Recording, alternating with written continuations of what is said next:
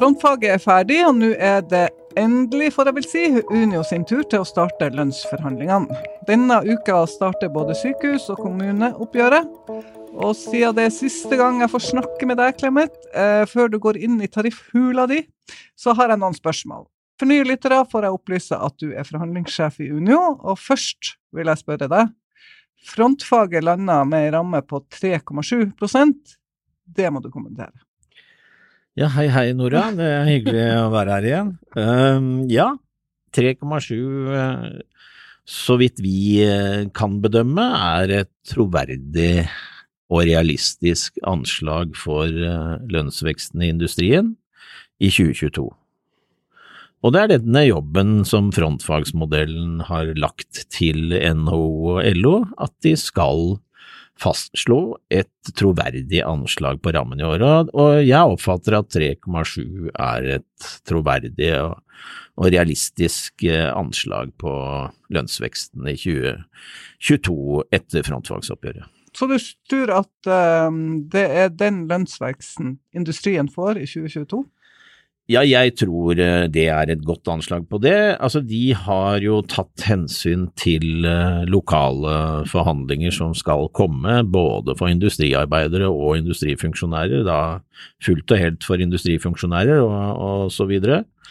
Eh, og de har kommet med et anslag på lønnsglidningen, som da omfatter også de eh, framforhandla lokale tilleggene, eh, som jeg mener er realistisk mm. og troverdig.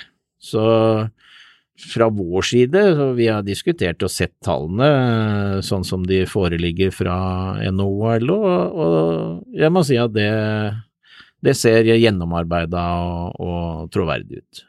Så gratulerer til frontfagkameratene. Eh, ja, jeg syns eh, for så vidt at Fellesforbundet har gjort en god jobb. og, og så lenge norsk industri ikke var, synes det blei litt dyrt, så er jo det bare fint for oss på arbeidstakersida. Du, Unio har jo eh, sagt nå nesten til det kjøttsommelige at eh, offentlig sektor skal ha mer enn frontfagramma. Nå har vi fasiten på hva det ble, 3,7. Hvor mye mer skal vi ha da?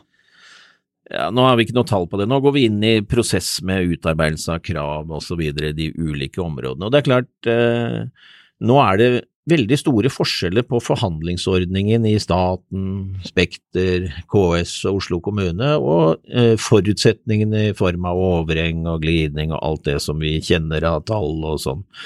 Så nå går vi inn i hvert enkelt tariffområde med det formål for øye å få et godt resultat.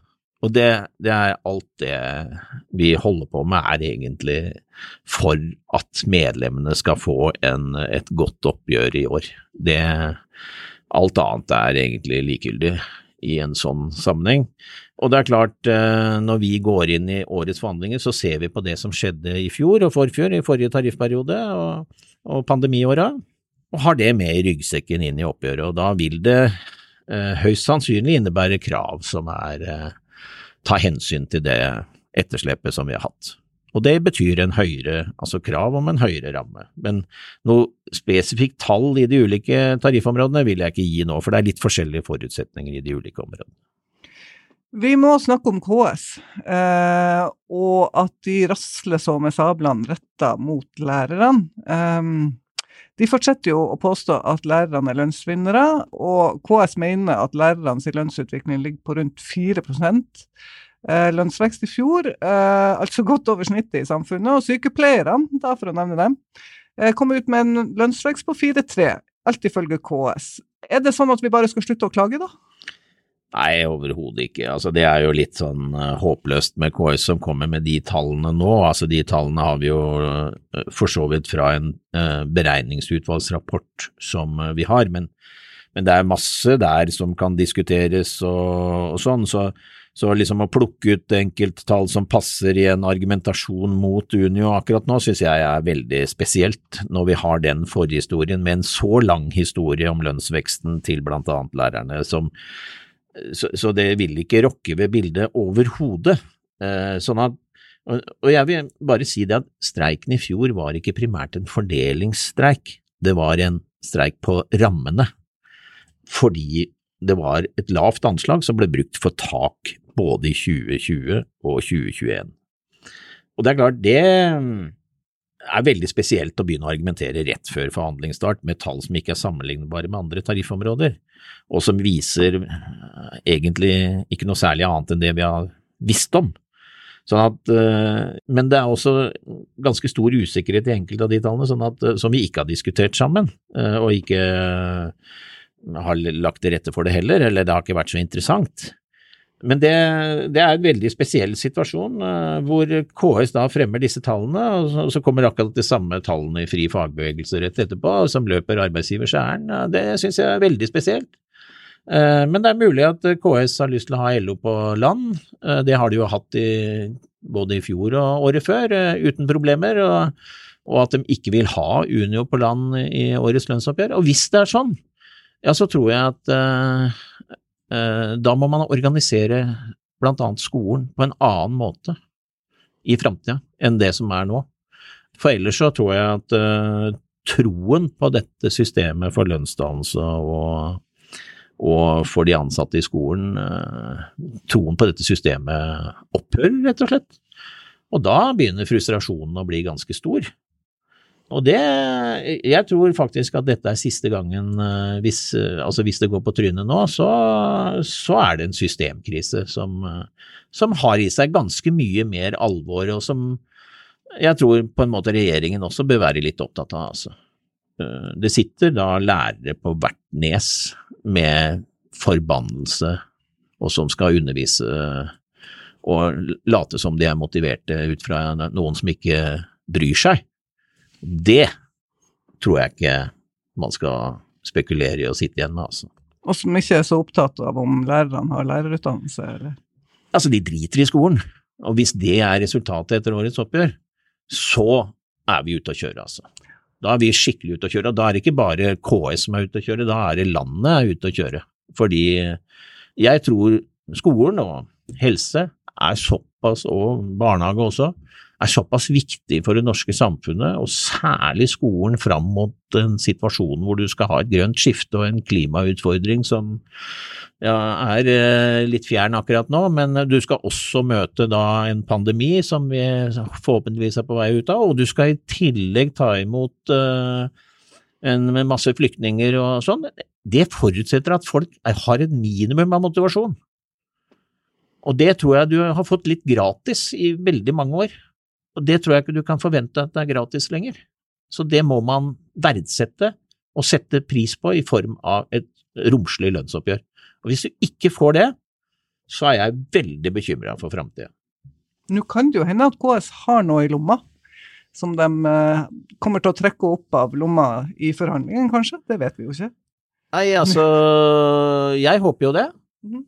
Og jeg håper at uh, kanskje ikke bare KS, men også regjeringen som finansierer Gilde, og som ser på både høye skatteinntekter, høye avgiftsinntekter, høye strøminntekter, en handelsbalanse med utlandet som vi vel aldri har vært i nærheten av, og en utenriksøkonomi som er eh, blant de beste i verden. Altså da jeg, jeg kan ikke skjønne at ikke de økonomiske forutsetningene for et godt oppgjør egentlig har vært bedre noen gang, jeg. Og samtidig så er det det at uh, når de forskjeller til utdanningsgruppene at uh, ja da, nå kan du vente deg sju-åtte uh, rentehopp, mm. så betyr det ganske mye for de som går ut fra lang, lange utdanninger med 200 000-300 000 i studielån. Du, jeg lurer på, er det, altså det at renta øker, den øker jo også for studentene og de som sitter med høye studielån, og det gjør jo veldig mange av våre eh, medlemmer. Er dette et bilde dere tar med dere inn i forhandlinger? Ja, altså det er jo definitivt noe vi tar med oss inn i forhandlingene, men, men ikke sant, eh, det er ikke Vanligvis så er det ikke sånn at hvis renta går ned, så får du liksom ikke Så skylder du ikke penger. Nei.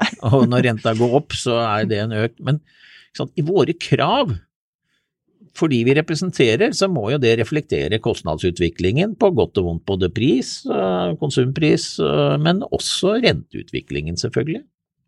Det er vanskelig å se for seg at utdanningsgruppene, som stort sett har høyere utdanning hvor du må eh, stort sett ta lån for å håndtere situasjonen og kunne bo ved utdanningsinstitusjoner og sånn, at ikke du skal ta hensyn til det i lønnsdannelsen i offentlig sektor. Det er veldig vanskelig for oss å, kunne sitte liksom rolig og se på at ja, da skal fordelingen være uberørt. Det, det kan vi ikke si.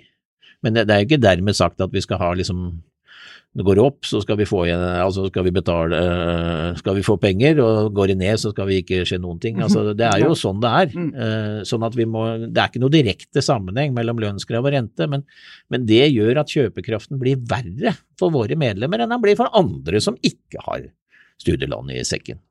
Og det er, eh, så Livslønnsbetraktninger og sånn vil jo da innebære at disse får dårligere uttelling eh, over sitt liv. Og det er ikke bra. Det må vi forsvare gjennom profilen på oppgjøret, at vi må da ta hensyn til det når våre økonomiske krav fremmes. Em, vi må snakke litt om staten. Da, vil Unio snu ryggen til den store avtalen eh, med LO og YS, og heller inngå en avtale med akademikere? Det er vel det store spørsmålet der. Ja, altså det spørsmålet har jo ikke fått noe endelig avklaring foreløpig.